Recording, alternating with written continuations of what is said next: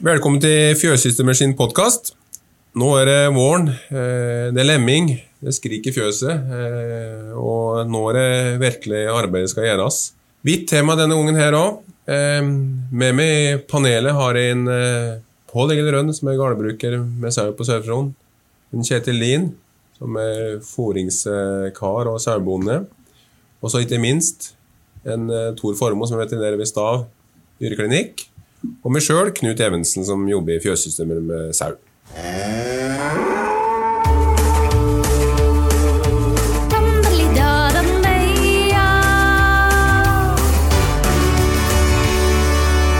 Kjetil, Ja. rett ut. Nå er det Søye som står og sparker gulvet og vil lemme. Har du klar? Er du klar? Hvordan er lemmingsbingen din? Hvordan ser det ut? Hva har du gjort? ja. Nei, da, da er det jo å øh, følge med. Jeg tar av tur bingen når fosterposene har kommet inn i lemmingsbingen. Eh, Vi har strekkbetall strekkmetall åt oss. Jeg pleier å renske så det er helt eh, rent for møkk i lemmingsbingen. Og så har jeg på et lite dryss med et dørslag med hydratkalk. Og så eh, finner jeg papirsjekken med tørr helm som står ved sida av eh, lemmingsbingen. eh, Får søya inn og, og ordner meg med varmt eh, vann. Og jeg bruker såpe og vasker søya godt bak med lunkent halvvarmt vann og har rikelig med glidemiddel. Jeg, jeg vasker hendene godt mellom hver gang. Vi har ikke så mye saus, jeg blir ikke så sår på hendene. eh, og, og tar ut lamongen med renvaska eh, hånd eh, og, og vaska søya. da. vil absolutt anbefale å bruke hansker. da. Det, det er en god rutine. Det ene er for å beskytte seg sjøl, og det andre er for å ikke dra inn noe mer enn enn du trenger inn i fødselsveggen. Men det, det er å tenke på egen beskyttelse. For det kan gå bra i mange år, og så plutselig kan en utvikle noe allergi. For eh, det er allergene stoffer i fostervannet. Altså. Ja. Så det, Da skal vi prøve å gjøre om på rutinen. Ja, oss eh, bruker, bruker å få ut søya så fort hun ser at det er tegn på det, slik at hun kan få roe seg i, i lemmingsbinging. Og så bruker vi eh, hanske. Eh, og hvis hun har opplevd at hun har hatt noen utfordring med et eller annet bakterielt, så tar vi ut hansken og vrenger den og blåser den opp eh, for å få den eh, helt rene sida ut. Og så, som du så var inne på, Kjetil, det går det ikke an å bruke for mye, og det er glidemiddel. Så eh, for det, dette der å få, få eh, fødselsveiene så glatte som mulig, det er til stor hjelp for, for individet som skal få utesalama. Så det å ha det klart, du var inne på det med helmen, eh, som er, er favoritt, eh, favorittverktøyet i forhold til å så, eh, få dem til oss og trives fra starten, få beholde varmen og komme oss på føttene. Det blir heller ikke så glatt på gulvet når du har eh, rikelig med helm. Kanskje, hvis du har muligheten, kutte helmen ordentlig godt. Det medfører at noe kommer til å drysse gjennom, men eh, det er jo da slik at, eh, at du slipper nesten å, eh, å få noe problem med å få den ut igjen, for da råkker du litt der, og så er den allerede i åndfjoset. Ja. Så eh, det medfører jo en mye større fuktopptak i helmen hvis du har den godt gutta. Men nå prater om eh, lemmingen, og, og det, dere har vel ikke sånn rutine at dere plukker ut elle? For det, hører, Det hørtes kanskje litt sånn hørtes Nei, ja. litt slik ut. For i utgangspunktet så, så prøver han å, å la det forløpe, Normalt, forløpet ja. normalt. Ja. Nei, det, det jeg pleier å gjøre, det er at jeg kjenner etter så det, lammet ligger riktig og, og er i orden. Og da, da er det jo lite, lite Ja, det gjør jeg. Eh, og da er det jo lite som kan skje. Ligger det riktig?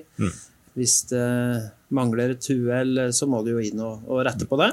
Og det er det, det som er viktig å, å, å, finne ut der. Det ligger rett, så skal, skal naturen få gå sin gang inntil inn, en viss, eh, inn til en viss grad. Og da har den noen slike, litt like rette snorer da, i forhold til hvis de f.eks.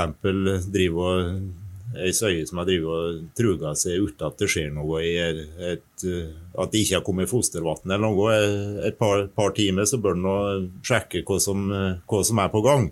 Dette, du vet, du har enkelte særlig ungsøyer som kan ha fryktelig lang slik, eh, oppblokkingsfase. Altså. Men dette er å, følge med og kjenne etter og kjenne om det er noe unormalt eller ikke.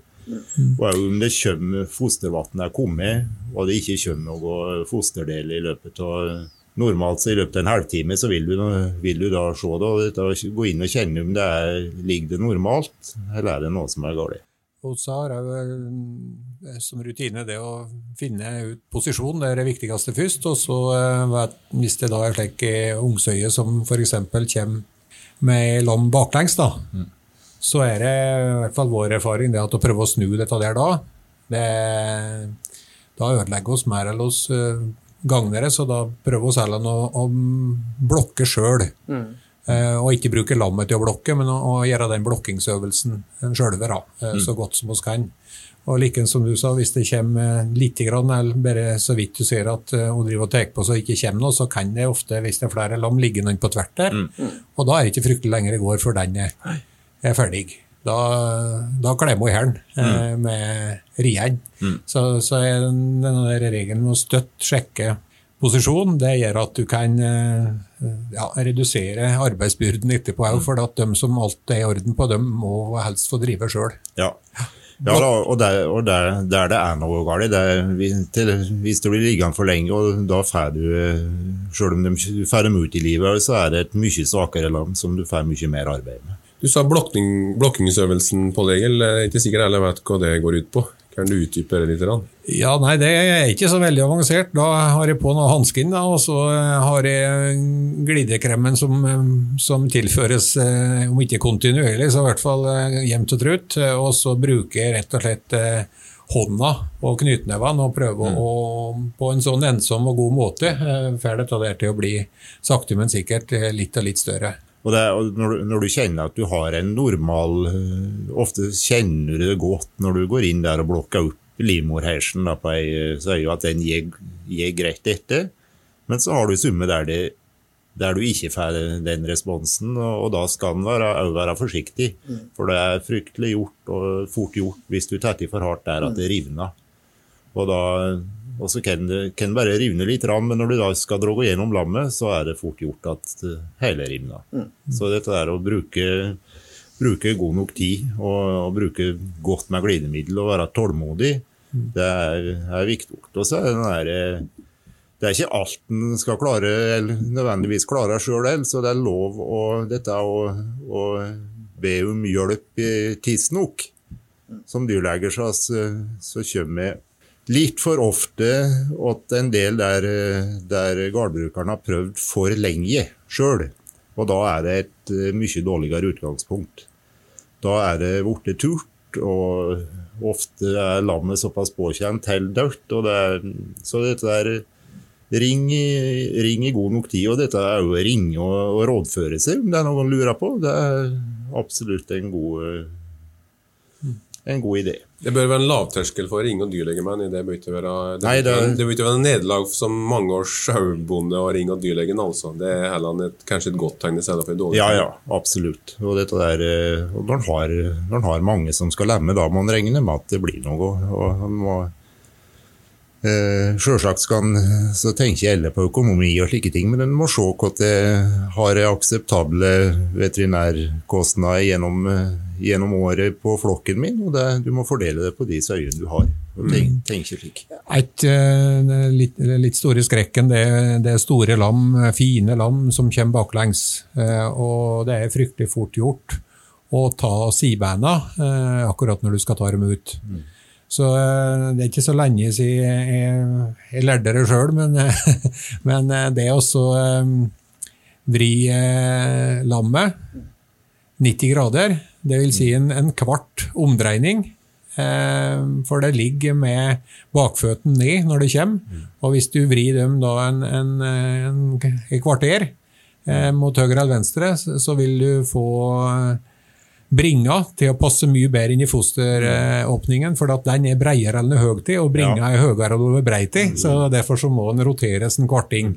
Og Da spårer du fryktelig mange sibein, for at vi vet at noen av dem klarer seg, noen får lungebetennelse og etter en dag eller to. Så dette er like, triks på ofte myter de fineste lamma som ja, ja. er store, som kommer baklengs. Ja, det er ikke sant. Og det der er enstøingen under en, en åring. Det er, og da var vi inne på det vi pratet om sist, i forhold til riktig fòring på dem. Det er dette å gruppere og, og fòre dem eh, forsiktig nok. altså. Det er akkurat samme erfaringa. Å skru, jeg sier at vi skrur ut disse baklengse. Mm. det. Det, det har vært kjempesmart. Da redder du mange. Du, du, Ja, det, det er logisk når du, når du tenker på hvordan backene ser ut. Så er det, du får den litt på har sånn diagonalen, liksom, og du unngår den, eh, den tapen i båten. Jeg vet du, Kjetil, har en egen patent på eh, lam som går ribbeina på, sånn at kan se hører hva veterinæren sier? Ja, nei, altså, til den metoden. Ja, det hender seg jo at, eh, at ribbeina går, eh, og helst på ei side bare, da. Går den på begge sider, da er det på en måte kjørt. Men, men hvis ribbeina går på den ene sida, så da pleier vi å, å mjølke søya og sondefòre den lamungen ganske rikelig.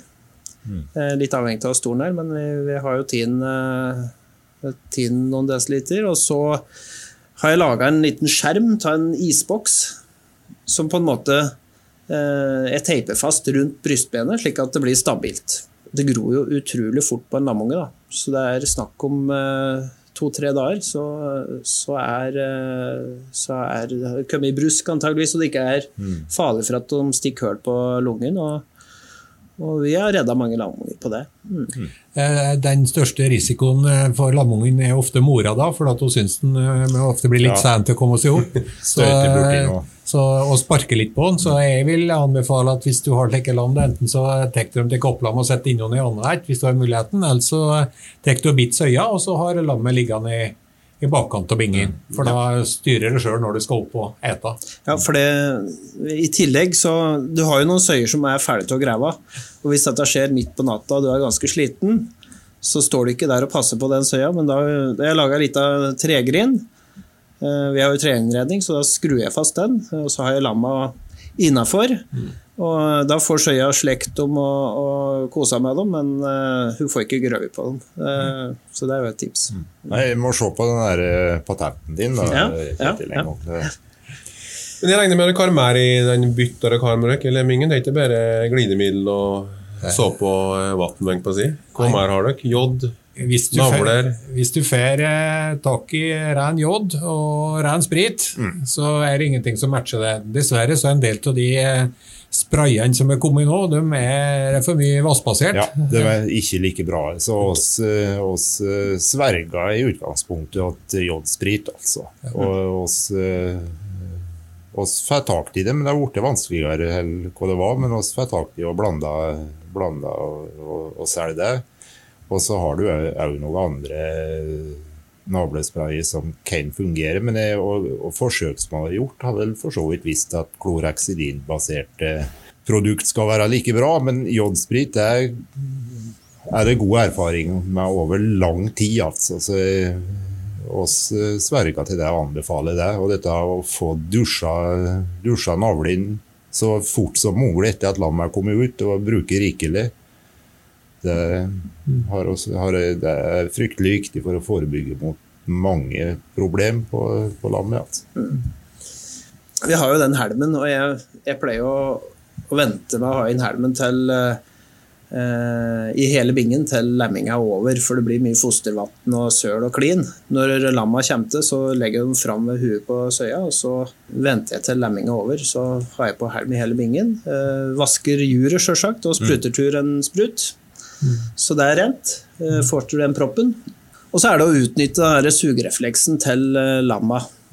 For råmjølk er jo kanskje den viktigste biten vi gjør da, i forhold til eh, lammet. Får vi til lamungen mye råmjølk rett etter fødsel, så, så har vi jammen gjort mye i forhold til sykdom Og og, ja. uhyre, uhyre viktig. Og, og det viser seg når, det når du har ti blodprøver og, og mælt, så er det altfor mange lam som har faktisk kritisk lave nivå av antistoff.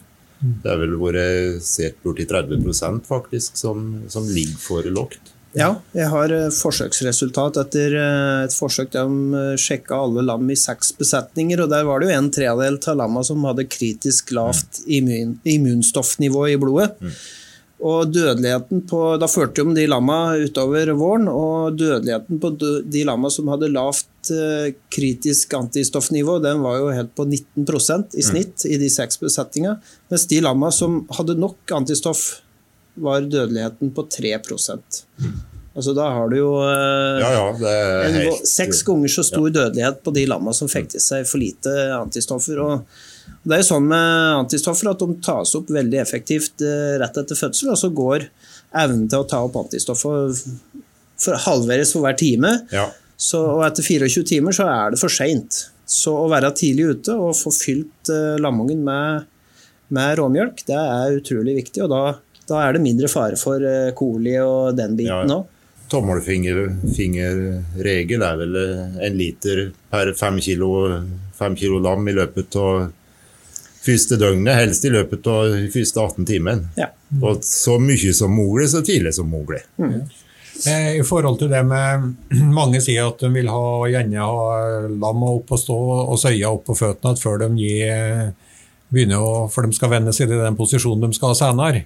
Eh, Det er nok sikkert en ideell variant, men vi vet ofte at det skjer ting hele tida når det er lemming. og oss gjør det slik at eh, det første lammet som kommer, det blir lagt ved Nosson på Søya, og så eh, når det andre kommer, så bytter oss, og da går det første ned og får mjølk, mens det andre er ved i Søya, og hvis det da er tre eller fire, så, så går den runddansen til alle har fått liv i noe sånt på mors side, og alle har fått mjølk.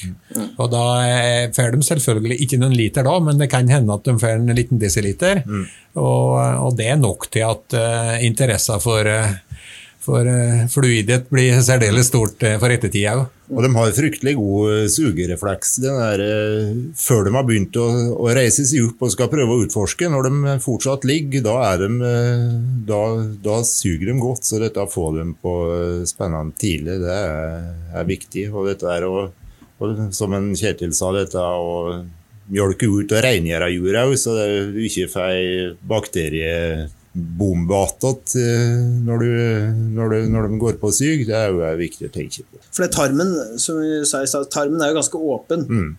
Og, og hvis du får eh, miljø, altså coli f.eks., så har jo den eh, frie tøyler og kommer fort i, i blodbana, og da er, det, da er det kort vei fra liv til død, altså. Ja, ja.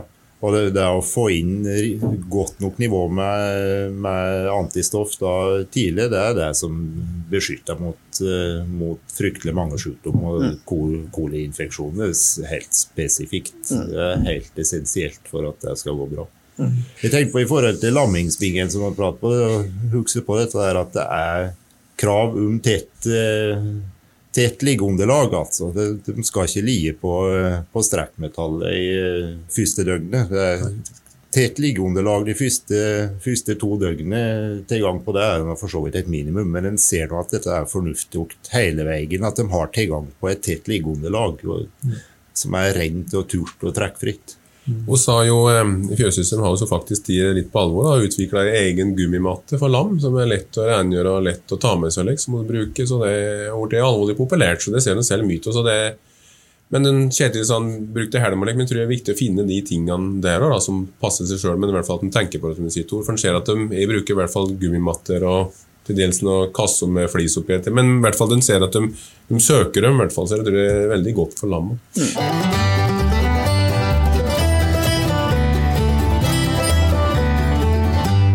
Men han prata om råmjølk. og så Det er greit å høres flott og fint ut på at han har ei søye med mye råmjølk, men så hender det noen som ikke har mye råmjølk. Og det kan være mange lam som vi har diskutert. Eh, Når det er lite råmjølk og lite tilgang, hva gjør vi?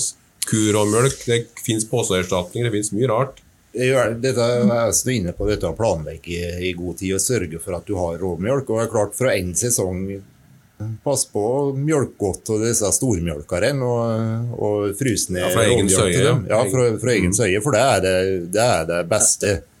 Det ideelle er nå selvsagt å få- råmjølke fra egen mor, men, eh, og nest beste fra ei anna søye. Og så er, kuråmjølk eh, neste på, på linja. Men du skal huske på hvis du bruker Kuromjølk, hvis, det hvis det er bare det, så da får vi ikke effekten av vaksineringen, blant annet. Så dette er at de får tilgang på råmjølk fra ei søye i besetninger, det er essensielt for at eh, du skal få effekt av de vaksinasjonsprogrammer du har gjort på, på søya. da. Ja, og det, eh, Hvis jeg f.eks. får eh, et tvillingsett, da, og det er litt for lite råmjølk i søya, så da pleier vi ofte å mjølketur søya.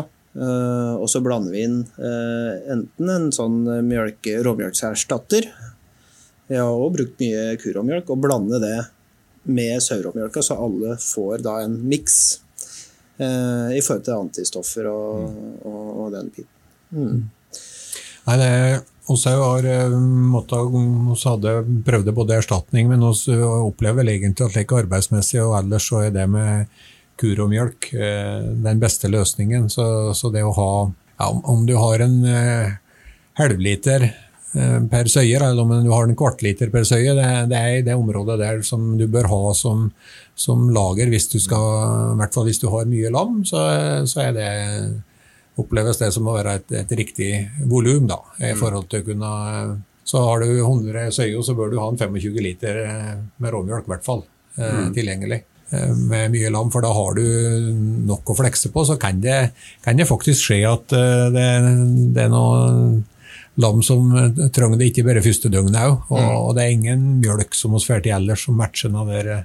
Nei, nei, så den er, det, det er ikke bare første døgnet. Det er klart det er første døgnet å- å seg opp med antistoffen, men råmjølke sine kvaliteter den er god, den er viktig for lammet videre. Ja.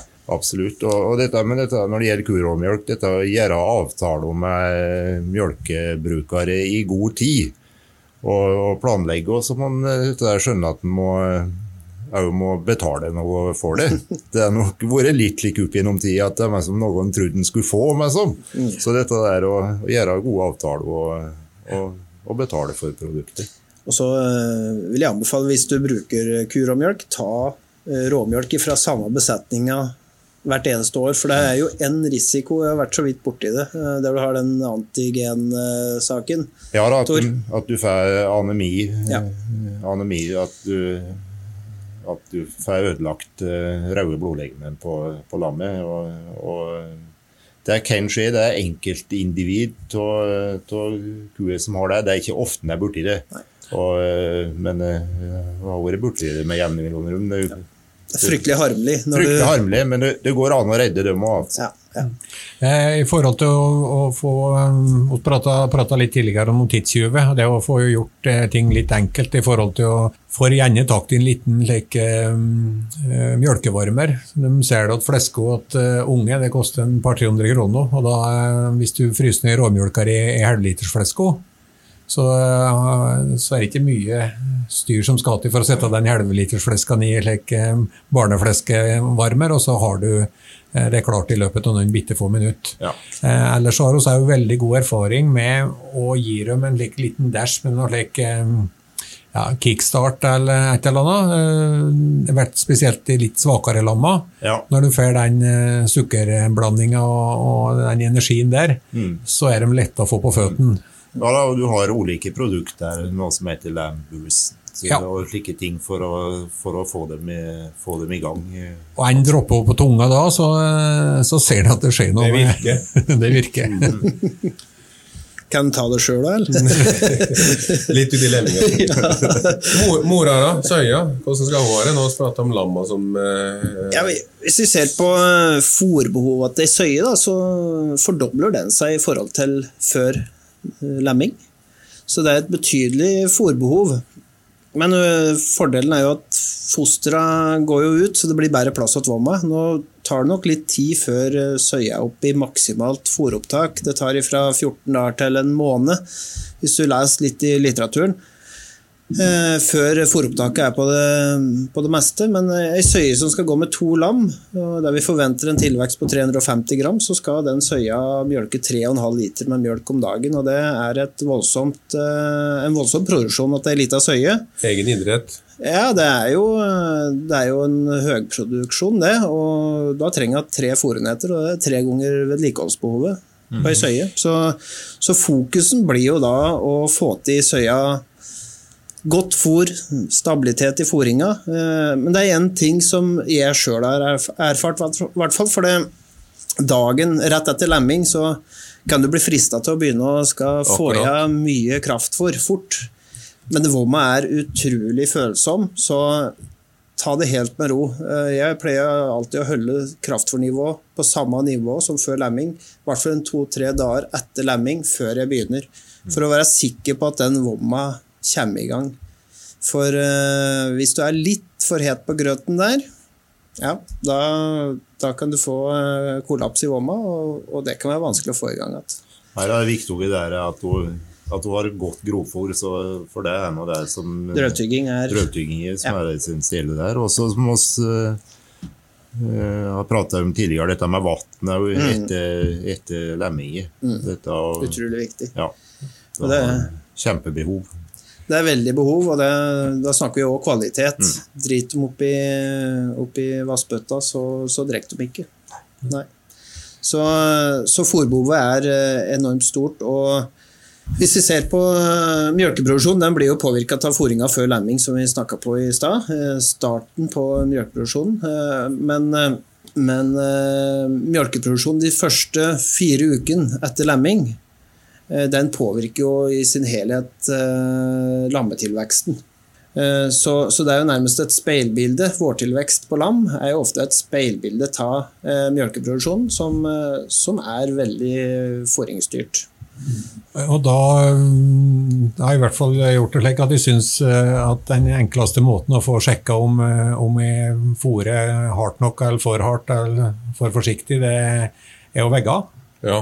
At du veier velger ut noen lam, og så ser du kanskje ikke de beste lammene, og så ser du at de bør i hvert fall legge på sin halvkilo om dagen. Mm. Og så er det den som ser mer ut som snittet, og de bør legge på sin 350-400 gram òg, helt fra starten. Mm. Om du bare tar etter fem dager, så bør de ha lagt på sin halvannet til to kilo. Eh, hvis, det, hvis, du skal få, hvis du fôrer riktig. Ja, og hvis vi, hvis vi ser på tallene litt her nå for det, Nå har vi snakka om fòring før lemming, og så snakker vi om fôringa eh, etter lemming. Og hvis du ser på fødselsvekter sammen med vårtilveksten, så kan du nesten med sikkerhet si åssen høstvekta blir. Det er veldig stor sammenheng eh, å få et livskraftig lam. Eh, og er det stort og, livskraftig, så er ofte søya klar til å mjølke bra med mjølk. Og, og den tilveksten du får til, eh, la oss si første måneden, da, som er veldig basert på mjølkeproduksjon til søya, den tar lamma med seg videre på beite og videre i utmarka. og Du har en god utnyttelse av utmarka, og, og du får eh, mer slaktemodne lam eh, fra fjellet eller fra sommerbeite. Så denne perioden her er helt alfa og omega for å lykkes. I podkasten som vi hadde før lemming, da, så pratet vi om rutiner inn mot lemming. og dette litt der, og nå skjønner jeg at dere prater om Du sa jo 350 gram om dagen i TV-Kjetil. Det, det leser du i avisa på siden, det må du finne ut sjøl. ja. eh, og du sa det jo, Pålegg, du hadde noen rutiner på veggene vegge lammet for å se tilveksten, men dere veier eh, fødselsvekt, selvsagt, og så tar dere eh, vårvekt. og det Si litt om det, hvorfor det er så viktig å ha gode rutiner. og begge litt lek, for da ser du ja, nå skal jeg ikke si svaret, men da får du, Når dere veier og registrerer da, alt som er, så, kan dere samtidig ta ut noe data fra det dere gjør. da, på en måte. Så hva gjør dere? Ja, nei, selvfølgelig fødselsvekst. Mm. Eh, det blir tid eh, hos oss likt med at hos merker dem, eh, og det skjer innen 24 timer.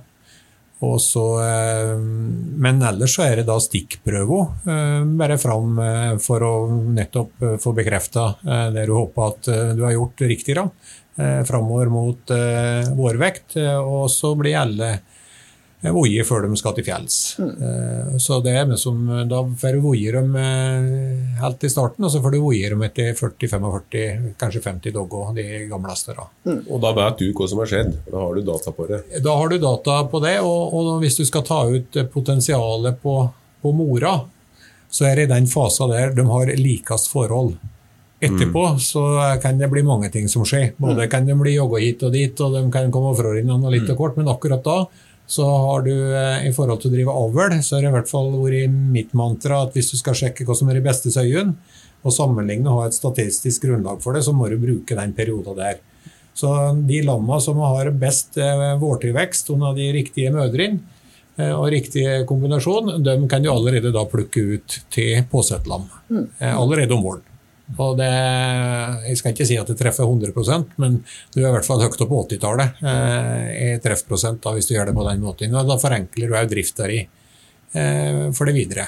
Så, så er det som Kjetil sier, det er akkurat eh, Nå er jeg ikke noen skihopper, men det er litt som å komme rett ut og hoppe. Da kan du beholde ei god eh, vekstkurve eller svevkurve framover.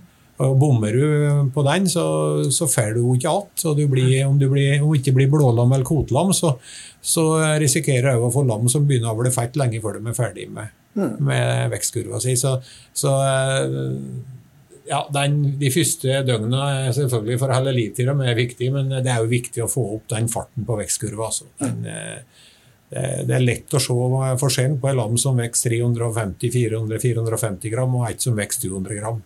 Det, det, det, det er ikke samme trivsel på dem i det hele tatt. Det er en ting jeg har lært meg på å si i den jobben jeg har, og uh, hatt i andre sammenhenger enn det å reise rundt og prate med gårdbruket. Og det ser en at de som lykkes, det er, tenkt, mange, det er de som virkelig legger inn innsats om våren, altså gjør alt riktig fra mer eller mindre A til Å. Da, da ser du at de får resultater. Det er de beste gårdbrukerne med de beste resultatene.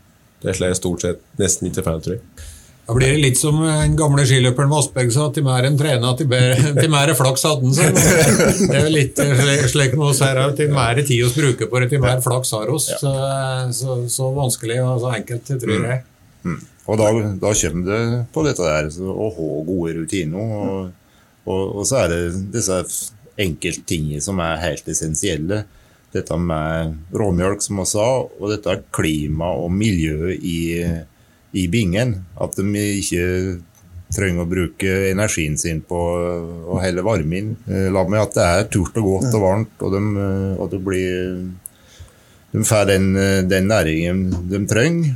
Det, er, det tror jeg er fryktelig viktig for at du skal kunne oppnå denne vekstkurva som en er ute etter. Mm. Og, så, og, så, er det at oss så står de kanskje i lemmingsbingen ja, ett til to døgn maks før de går ut i en fellesbinge. Og det, det kommer når jeg var liten, så sto de jo i lemmingsbingen kanskje i sju dager.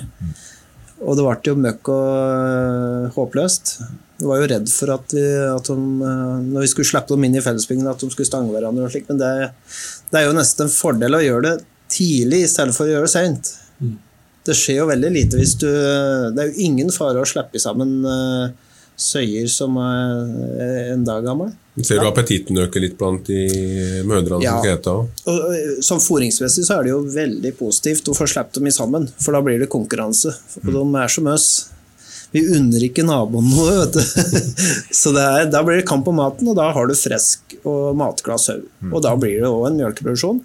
Men det som er viktig hvis du slipper lam som er såpass unge i en fellespinge, så er det jo å lage et ordentlig lammehjemme mm. med varmelampe, eh, lunt og godt. Du ser, og der har de muligheten til å stikke unna hvis det er ei søye som prøver å stange dem. Så, så finner de den eh, plassen med en gang. Og, og, det er vel ingenting som gjør meg lykkeligere enn når jeg går og ser om saua, og du ser inn i lammehjemmet, så ligger de rett ut og slapper av og sover.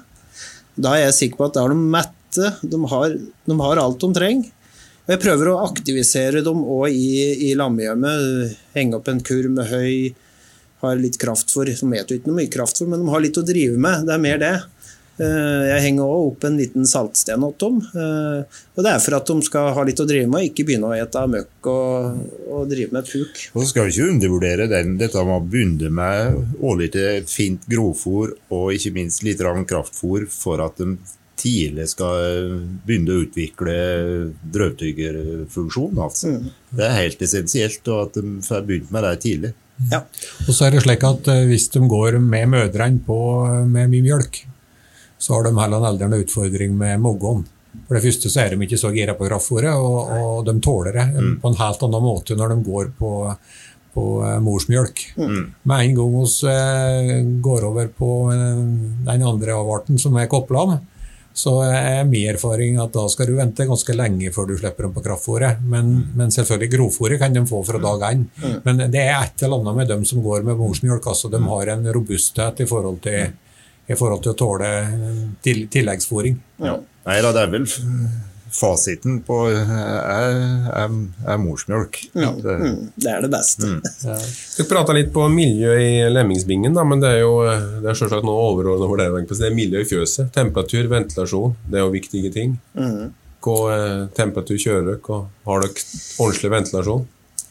Ja, har, Får jeg ordentlig ventilasjon nå? ja, jeg for mine, vi har jo ordentlig undertrykksventilasjon, men, men eh, bor jo ved sida av Hafjellbakke, da, i solhellinga, så det kan være ordentlig varmt om, eh, om våren, altså. Varmt om dagen og kaldt om natta? Ja, nei, det, Kulda er ikke noe problem, men eh, jeg kjenner at det er varmt om, eh, om dagen. Men det blir jo tørt. Tørt og fint. Så, sånn, sånn sett så, så har det fungert helt greit. Ikke noe lungebetennelse og sånn.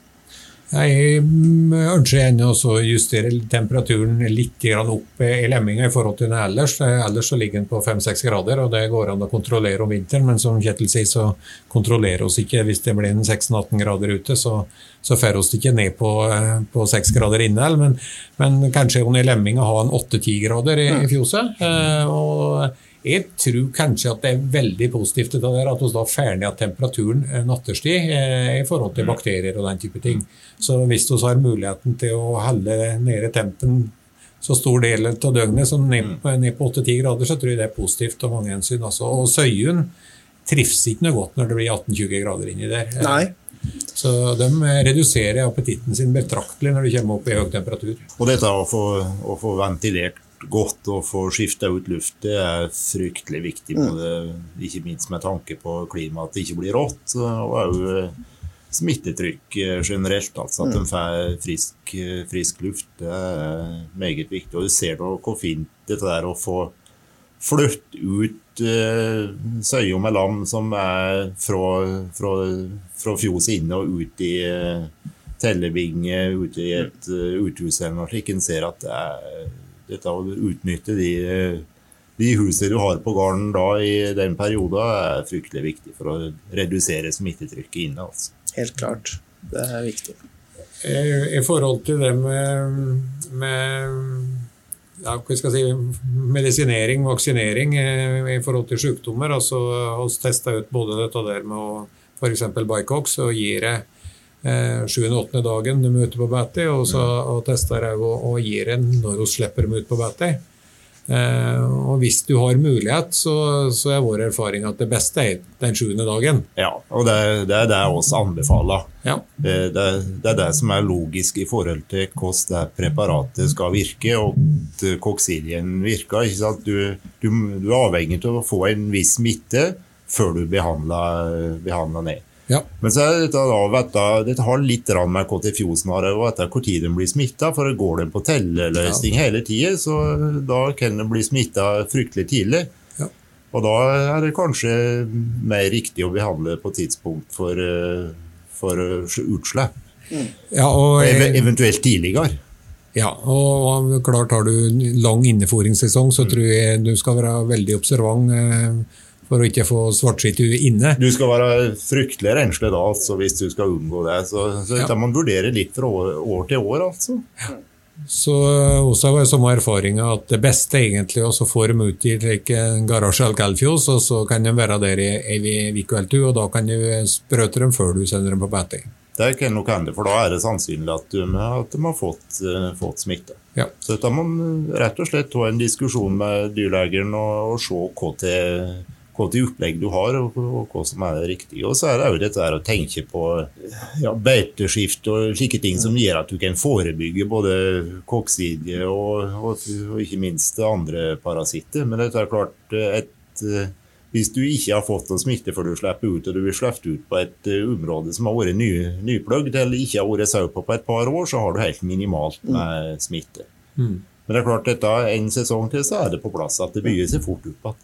Snakke om, eh, Nå er vi jo på vårbeite. Eh, Hei, eh, du kan jo oppnå veldig god tilvekst på et godt vårbeite. 350-400 gram. Hvis du har ei søye da, med to lam, så, så sier vel litteraturen at du må minst ha 0,7 dekar per søye for å ha beiteåtta i 14 dager. Hvordan tenker vi i forhold til beiteslipp? Ja, nei, det, jeg tror nok at den, den anbefalingen er fortsatt veldig god. Eh, og så har du et annet element, og det er størrelsen på gruppa. Eh, sitter jo i utforming til, til beitearealet. I forhold til å, i hvert fall hvis du slipper litt større grupper, så har jeg hatt litt erfaring med at det kan være hensiktsmessig å, og vende søyen på å få en liten smak eh, i overgangen eh, når de kommer ut. Overgangsfòring. overgangsfòring for å få minst mulig ja, diskontinuiteter. Og, og det er en annen effekt òg, da. Det er at eh, hvis er salamer som ikke finner igjen mor si, eh, de vet hvor de står hen da. De står på samme plassen som dit søyen kommer igjen. Så, så det er jo en effekt i forhold til å få samla mor og eller søye og lam at eh, det er det litt større grupper. Uh, og det er, da vil jeg jo kunne gjøre noen notater i forhold til hva som er i beste morsøyen. Mm. For dere, nå driver vi med norsk hvit, og uh, de er vesentlig svakere på morinstinkt enn en del av de litt mer ekstensive rasehund, som spel og, og pels osv. Så, videre. så Så det er ikke noe tvil om at det, det, det kreves litt tilpasning i opplegget knytta opp mot rase. Eh, og så vet jeg at det er noen som har hatt utfordringer med, med lammedød på beite. Mm. og pulp og nyre er selvfølgelig en, er en forutsetning, mener jeg, men det er jo slik at gjønnet eh, har en betydning eh, hvis de, spesielt hvis de kommer på tellefjos. Um, her er andre ting, så begynner de eh, fort og så Hvis de har noe gjønnmangel, så begynner de å ete på, på andre ting. Så, så de som skal ha dem på den type underlag, de har jeg, ja, jeg ville anbefalt at de har gitt dem en liten dæsj med Ja, gjønn. ja da, dette, og da er vi inne på litt denne løpetympani, det, lammene som digner opp og ofte stryker meg fort. Eh, og der er det gjort eh, forsøk som viser at eh, gjønn har en, eh, har en positiv, positiv effekt. Et lam får fryktelig lite gjønn i, gjennom mjølk. Så det er når de begynner å ete, og det er klart hvis de da ikke har tilgangen og går inn i litt mørkjøtt og, og, og på teller slik, så begynner de å plukke opp ting de ikke, som ikke er bra for vannmiljøet eller for, for maggemiljøet. Og, de, og du får en bakterieoppvekst der, da, så det er, det er en, eh, det er en eh, infeksjon med spesielle bakterier som er uheldige, og som gjør at du kan få en eh, at du får De digner opp, og da stryker de ganske fort. Så hvis en kan forebygge det i besetninger som har problemer med det, ved å gi, gi gjønn, så er det fornuftig.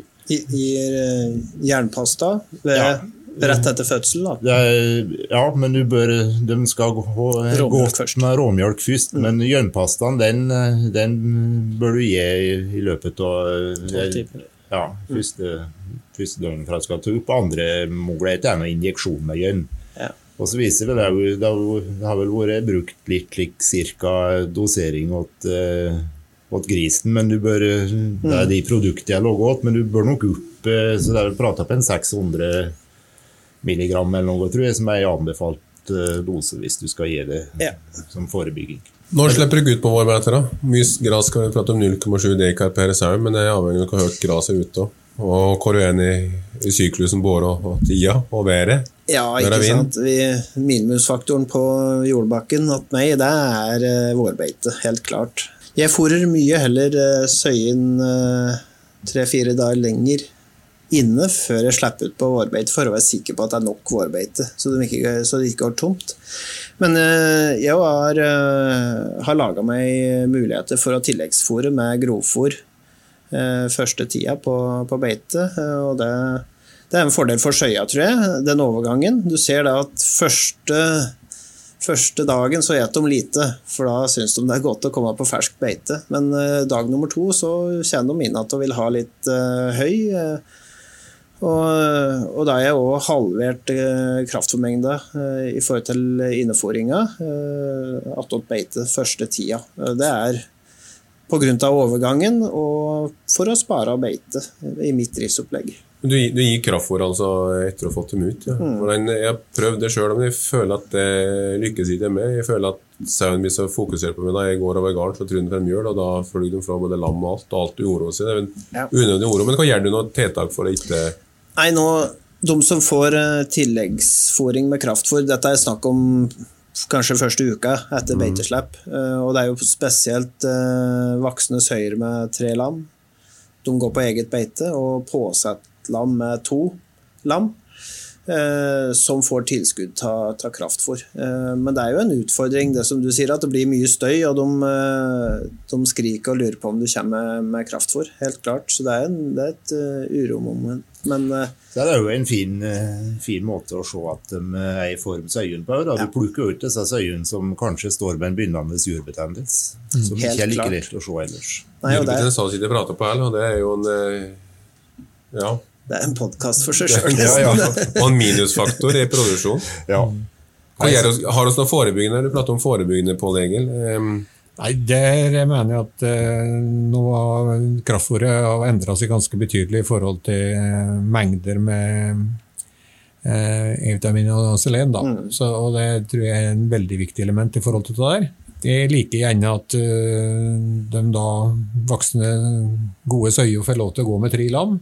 Eh, Det er åpenbart at jeg må bare innse at det er større belastning på juret med lam enn med to. Så, så det blir en slags avveining i forhold til jurhelse og søyeholdbarhet og antall lam. Men, eh, men i selve, når det gjelder selve mastitten, da, så, så er det vel veldig liten andel eh, mastitt eh, som er forårsaka av mangel, mangler i, i fôret. Men det, det er flere som kommer pga. spenetråkk, som da er helt initielt i starten. Og så må en være forsiktig. og ikke, De trenger vann det første, og så trenger de grovfòr det andre. Og de første 48 timene så trenger de ikke noe kraftfôr pga. mjølkinga. Nei, Det nei. skaper bare problemer. Så være litt forsiktig akkurat i starten, det tror jeg er viktig. Og så har vi utfordringene når de kommer ut på beite med f.eks. skurv da, på, på ungsøy. Og, og det er klart at da, du, da har du andre årsaker til mastitten, men, men den vanlige eh, mastitten uten eh, uten å ytre ja, kilder, da, eh, til, den er ikke mye til å eh, oppleve lenger. Nei da, det er noe å, å, å ytre, ytre kilde. Det er noe sånne faktorer med, med mange lam, og det er hygiene. og Det, det, det, det dukker ikke opp bare ut i luften. Det er, det er, en, eh, det er en årsak der i, i bunnen. Ja. Så disse tingene kan gjøre meg og, få hygienisk eh, gode binger. Fryktelig viktig for oppvekst. og det er Å følge med på spena og se med sårskader der og slike ting. Og at underlaget ikke er en belastning på, eh, på juret. Og at en rett og slett følger godt med, kjenner på juret. Altså, for det er klart du Helt i starten så kan du redde utrolig mye bare når du oppdager og fem mjølka godt ut og får gjort, gjort tiltak. Og så er det klart Ofte så er det helt essensielt å komme i gang med behandling tidlig på det her. Og, og jurbetennelse på sau er noe vi ser på som skikkelig akutt eh, behandling fra vår side. Altså på lik linje med, med fødselshjelp og alt. Vi vurderer det som dette er å kunne ha, har som et mål å, å være på plass innen en time etter at en jordbetennelse ringte inn. altså. Eh, når det gjelder med Vi ønsker å ha sik sikkert vårbeter for å slippe dem ut, og da kan de bli stående litt eh, lenge kanskje i, i binge inne. Og hvis det er mm, kjedelig at lamma ikke har de lammehjem, ikke har de noe å finne på, så det som skjer da ofte på dem som har litt på grensa til nok, eh, fått nok næring, de passer på hver gang eh, søyen et. Ja. Og så begynner de å henge juret fra bak, og da mm, ser vi òg at det begynner å bli synlig til tennene på summet, og det er jo en like, voldsom slik inngang både til bakterier og, og eh, selvfølgelig blir det smerte knyttet opp Ja. mot såra, og da, da får oss, eh, Så det jeg opplevd at det er ulempen med, største ulempen hvis du har små binger, eller oppdelte binger og, og tett, eh, tett, så mm, da kan du ikke ha dem det for lenge. Altså. De må ut i, i store areal, og da er det bedre at de flyr ut på ei helt svart jorde og får grovfòret i hekk. Absolutt. Eh, En annen ting som vi ikke har vært inne på, ja, hygiene på fôrbrett er jo utrolig viktig. Og det er en utfordring i lemmingsperioden er jo disse lamma som havner på fôrbrettet. Og det første de gjør da, det er å pisse og drite. Og når vi snakker fôropptak, det har vi sett på, eh, det er voldsomt høyt hos Søya, og skal vi få en god produksjon, så er vi helt avhengig av et høyt fôropptak. Hva gjør dere for å Eh, Ja, nei, det, Jeg har i utgangspunktet et eh, rullende forberedt som skulle være helt ideelt i forhold til å ha rent. Og Første året så hadde vi litt utfordringer med lam på fòrbrettet. Eh, Der har vi brukt en veldig enkel patent, og det er å bruke Firtums like, trekkerør glatte plastrør som vi henger opp med 2-3 meters lengde med kjettinger, og som henger framfor eteåpningen på innsida mot forbrettet. Og Det medfører at når søya stikker inn i hodet, så flytter du på det røret, men så snart du har ut av hodet, så ligger røret attåt. Så de siste åra på de 350 meters forberedta, så finnes det alle lam. Eh, og det, det, er mange gode effekter av det. Både det at du, ikke, at du får et mye bedre foropptak, og så slipper du å miste, miste lam eh, og mor-kontakten.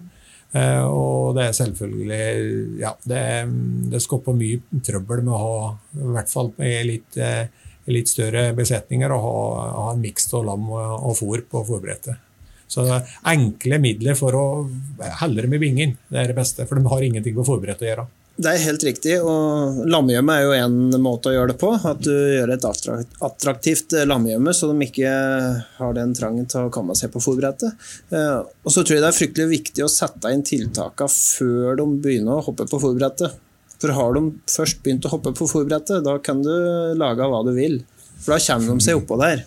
Så du må ha gjort tiltaket før altså Det er forberedelse, rett og slett. Ja. Du må gjøre at det er før, eh, før eh, lemminga, nærmest.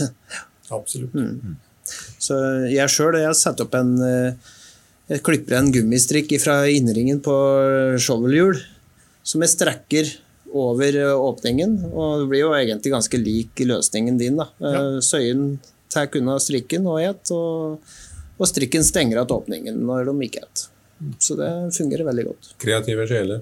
Jeg tenker på andre, andre ting i forhold til søya etter, i, i, denne perioden. Det er noe børbetendelsproblematikk som hos eh, perioder har vært er, er ganske mye av. Og det er klart, der er vi inne på det med hygiene i binge, hygiene ved fødselshjelp, dette å vaske bak, og dette å rengjøre søya etter, etter lemminger, altså. Så ikke ligger de tom som ikke er fryktelig stygge bak. Det, det tror jeg er viktig. Og så er det det er for så vidt er normalt at ei, ei søye har, har, litt høyere temperatur etter fødselen. Og, men hun skal ikke være dårlig, hun skal ikke, hun skal ikke være allment uh, påvirka i, i stor grad. Så, så må vurdere temperatur og, og allmenntilstand og fòropptak i, i hop. Og du, du, tåler litt første, første par døgn etterpå, men du skal ikke slippe dem fryktelig langt ned, altså, for de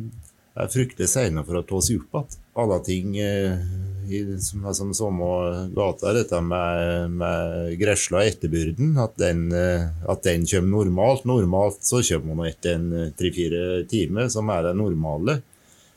Og så skal jeg huske på at det når gresla ikke kommer, tenk på om det kan være att lam. Fryktelig kjedelig når vi kommer etter et par dager og det er søye som står og sturer, så står hun med etterbyrden, og så viser det seg at det er et lam inni der. Så det er en slik enkel ting. og Nå har du noen fostertellinger som i stor grad vet hvor mange som kommer. Og i hvert fall hvis det er meg som ikke stemmer i forhold til fostertellinger, så skal vi i hvert fall sjekke. For det hender det jo at det ikke blir sjekka lell. Hvis de da ikke slipper etterbyrda, så har vi som regel at vi ikke skal fiple med det. Det eneste vi gjør ofte da, det er å knyte det opp, eh, slik at det blir en tyngre, tyngre klump som bare henger der og henger der til seg sjøl, men at vi ikke aldri begynner å dre til det. Du kan, du kan trekke fryktelig lett for summe, men ikke bruke noe kraft. Det hender at du, at hun bare kommer hvis du tar litt til det, men da kommer hun nok hvis du knyter det opp òg, som, som, du sier.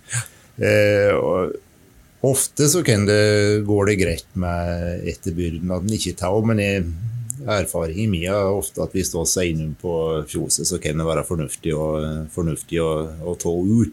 Men gir, gir dere noe um, smertestillende antibiotika da i sommersløngen? Ja, når vi gjør det, så, så gjør jeg det. For, ja. for erfaringen min er at hvis denne blir liggende der, og, så får de litt feberstigning og, og så, ja, matledighet. Så dette er å forebygge det, og det, det, det er det viktige ved børbetennelse. Dette er å få behandla det slik at du unngår den droppen i fòropptaket, altså.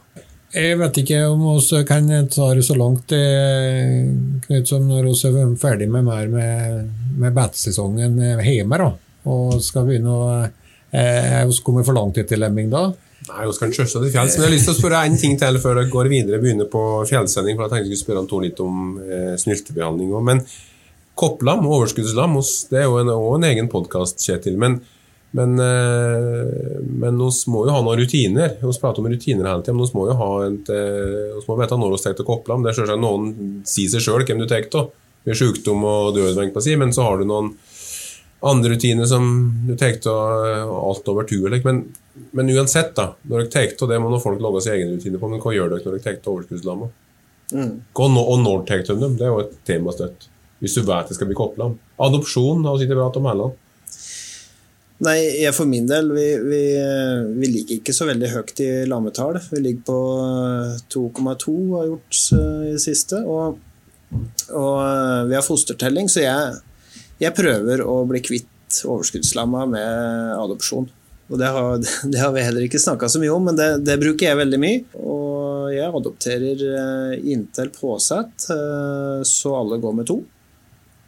Og så har jeg noen gode søyer som jeg som fint klarer å gå med tre, som jeg vet om. Jeg har sluppet unna kopplamstyret i all hovedsak. Det kan jo bli en og annen der det skjer noe spesielt, men, men, men da er det snakk om tre, fire, fem lam i løpet av sesongen.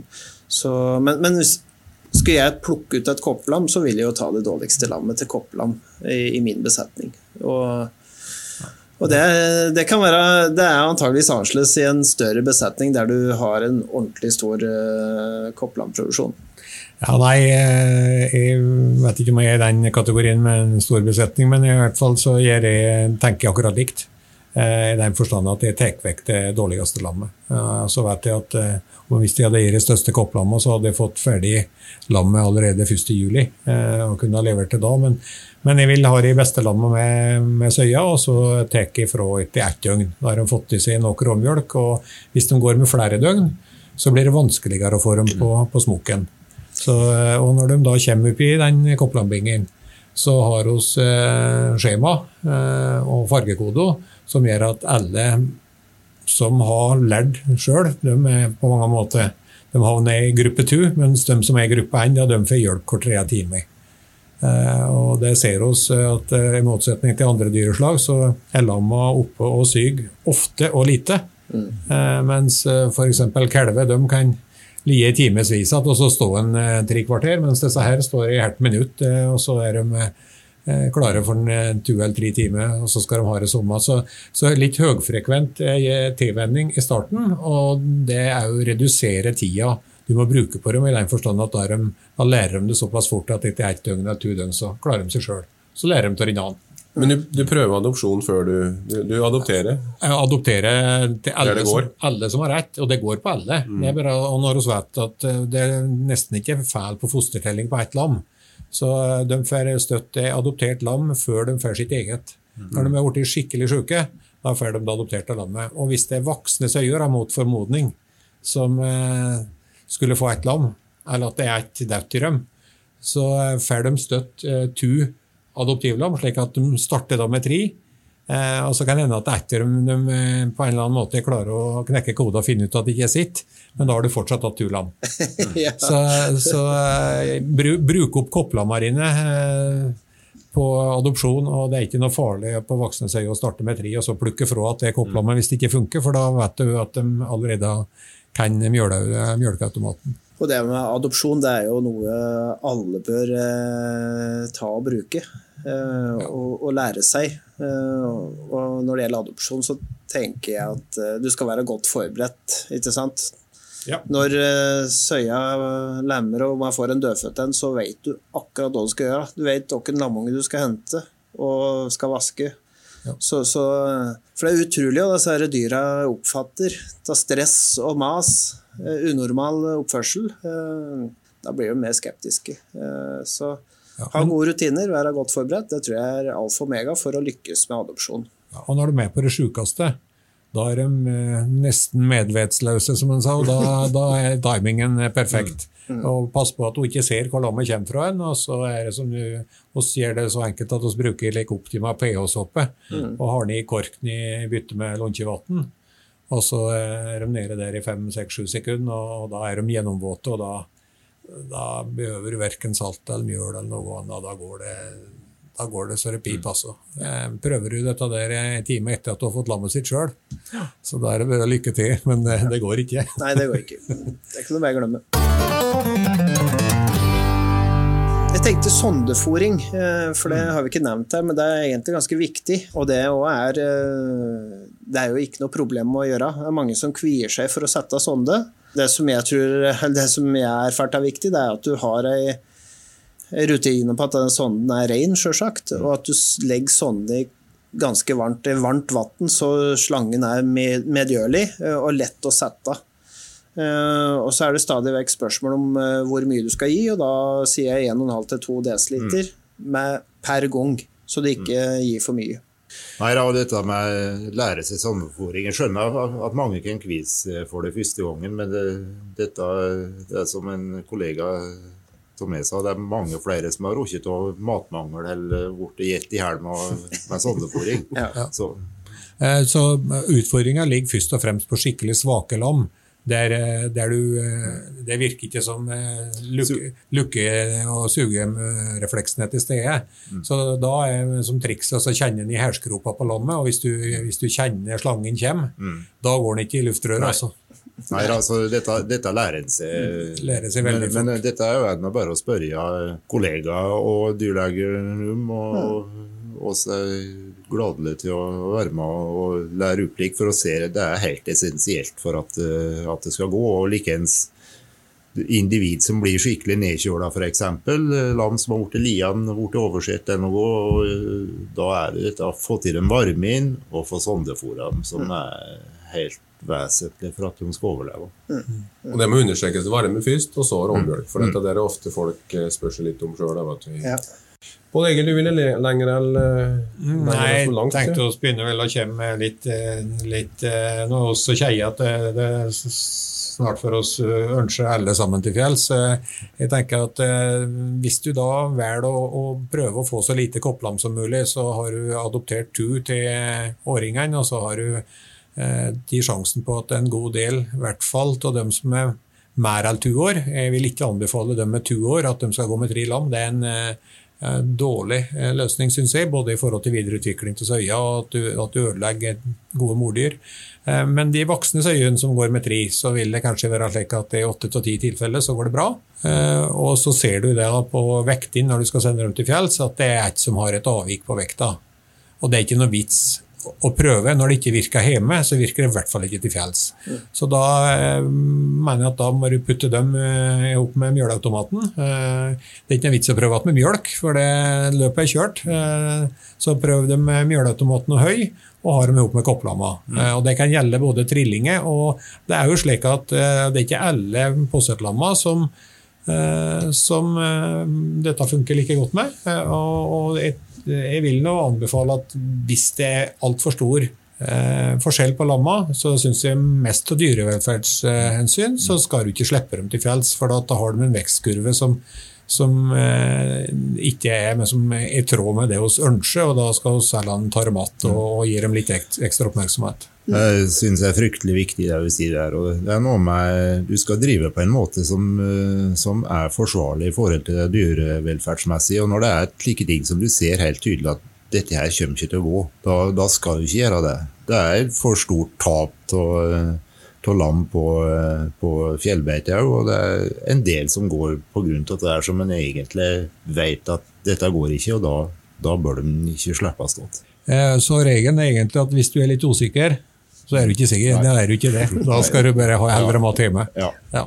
Sjekker du klauvene før du sender dem til fjells? Da har klippklauver så alt i orden? ja. Jeg har klipper klauver i månedsskiftet januar-februar, og så er det ingen sauer som blir sluppet ut med lamma sine før de sjekker på klauve.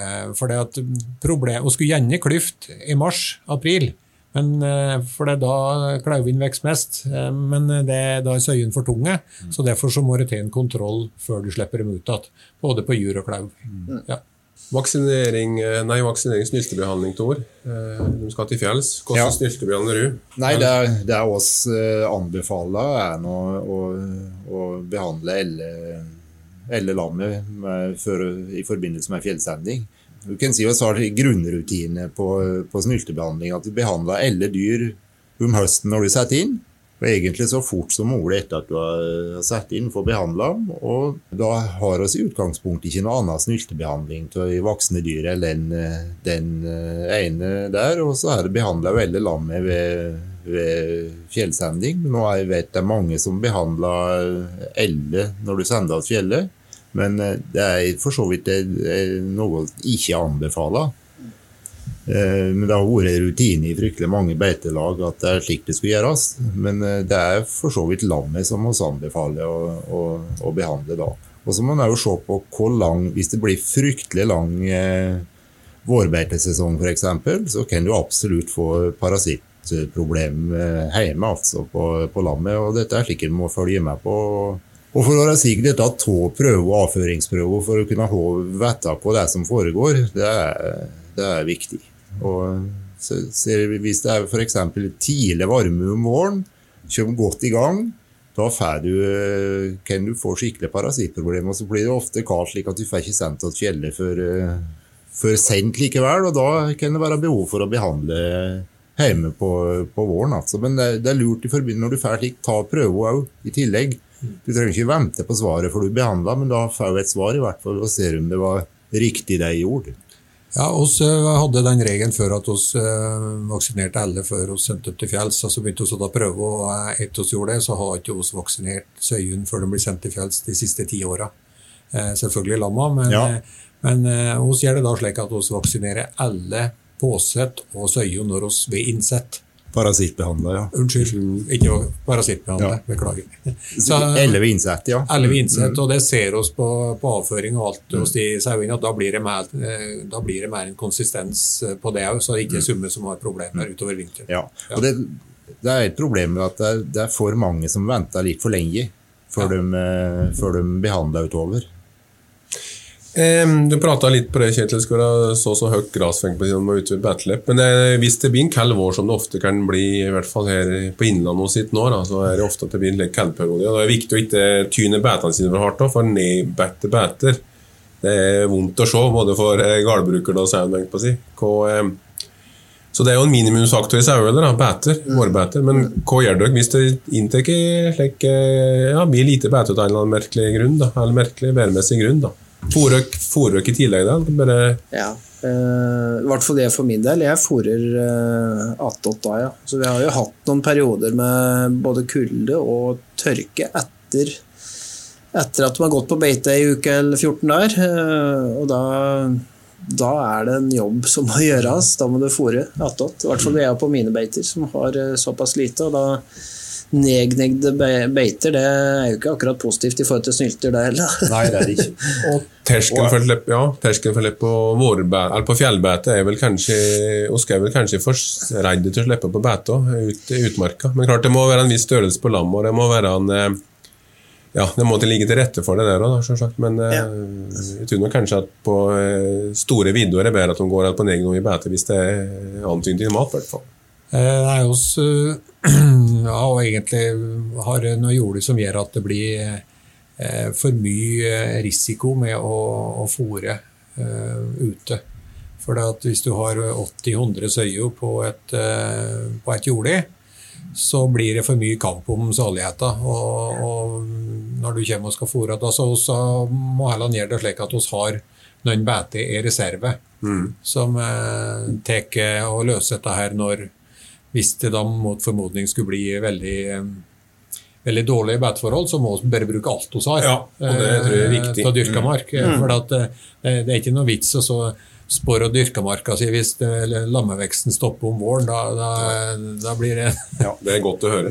Så det, det er liksom det som er løsningen. Og så har vi òg en slags iboende sak i oss at oss at vi eh, tror at det må være så og så mye gras i utmarken, men eh, det er vi ikke kanskje er flinke nok til å ta inn over oss. Det er i hvert fall i det at eh, Viåtta er så stor at eh, det, det, er så mye å ta av at det må ikke se ut som på jordet. For det, det, det, er ikke behov for. Og, og krafta, det ser oss på den eh, avføringa de kommer med en gang de kommer til fjells. fjells den farga på den, den endrer seg ganske brått. Altså. Mm. Så når det er mørke grønn, eller skikkelig grønn sauemøkk, da, da er det godt tegn. Da, blir, da kan det bli fine Ja. Er hun såpass eh, kjei og leie nå at hun skal sende seg til fjells? Er det noe mer hun har Da tror jeg på tida.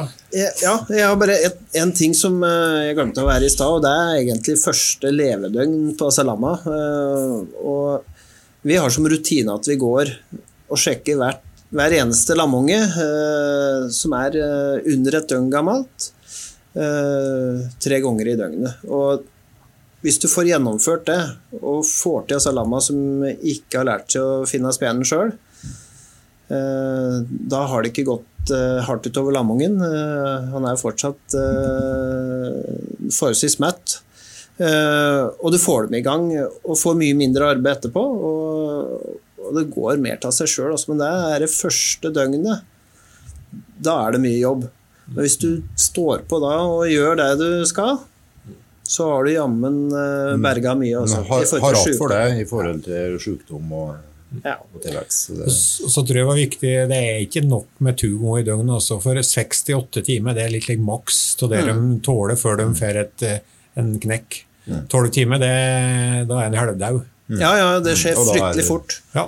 Så, da er det mye å være inne til. Ja. ja, det er det. Så går vi jo der hele tida, så vi vet jo hvem som eh, sliter, sjølsagt. så han får mer oppfølging. Men, men i hvert fall en fast runde eh, tre ganger i døgnet, var som du går systematisk. Ja, og det, som du sier, var, for du, du går ofte likevel, og da lager seg rutiner, så du temmer i det. Mm. For det er noe med å bru- bruke tida fornuftig Helt når klart. du er der.